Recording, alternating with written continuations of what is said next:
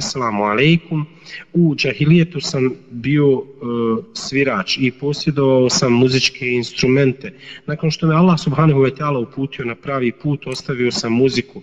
No muzički instrumenti su ostali zbog toga što mi roditelji ne dozvoljavaju da se riješim iz tih. I ako su instrumenti moji, oni ne smatraju muziku zabranjenom i žele instrumente E, i e, žele instrumente prodati.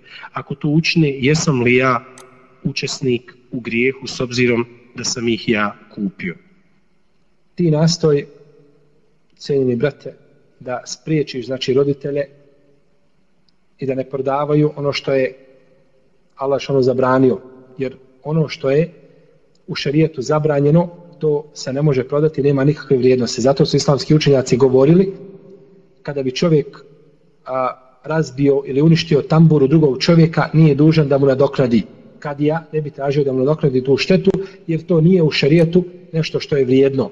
Kao recimo kada bi čovjek prosuo, na primjer, 100 litara vina drugog čovjeka, razbio bačvu i to vino isteklo, u šarijetu ne bi bio dužan nadoknaditi mu to vino, jer ono što je zabranjeno u šarijetu nema cijene, ne, znači ne vrijedi i ne može se to i nadoknaditi. Ono što ne vrijedi, ne može se nadoknaditi. Kao znači da ništa nije ni uradio. U svakom slučaju ti nastoji spriješ svoje roditelje, a ako oni nakon toga budu htjeli i vidiš da bi znači moglo biti kidane rodbinski veza i odnosa zbog toga i oni to žele i ne može, nemaš moguće da ispriječiš, onda neka to oni urade na svoju odgovornost, a ti ako Bog da inša Allah s otim nemaš ništa, već to trebaš prezirati svojim srcem, inša Allah da nećeš biti učesnik u a, prijestupu koga su oni počinili, a uzvišen je Allah najbolji znat.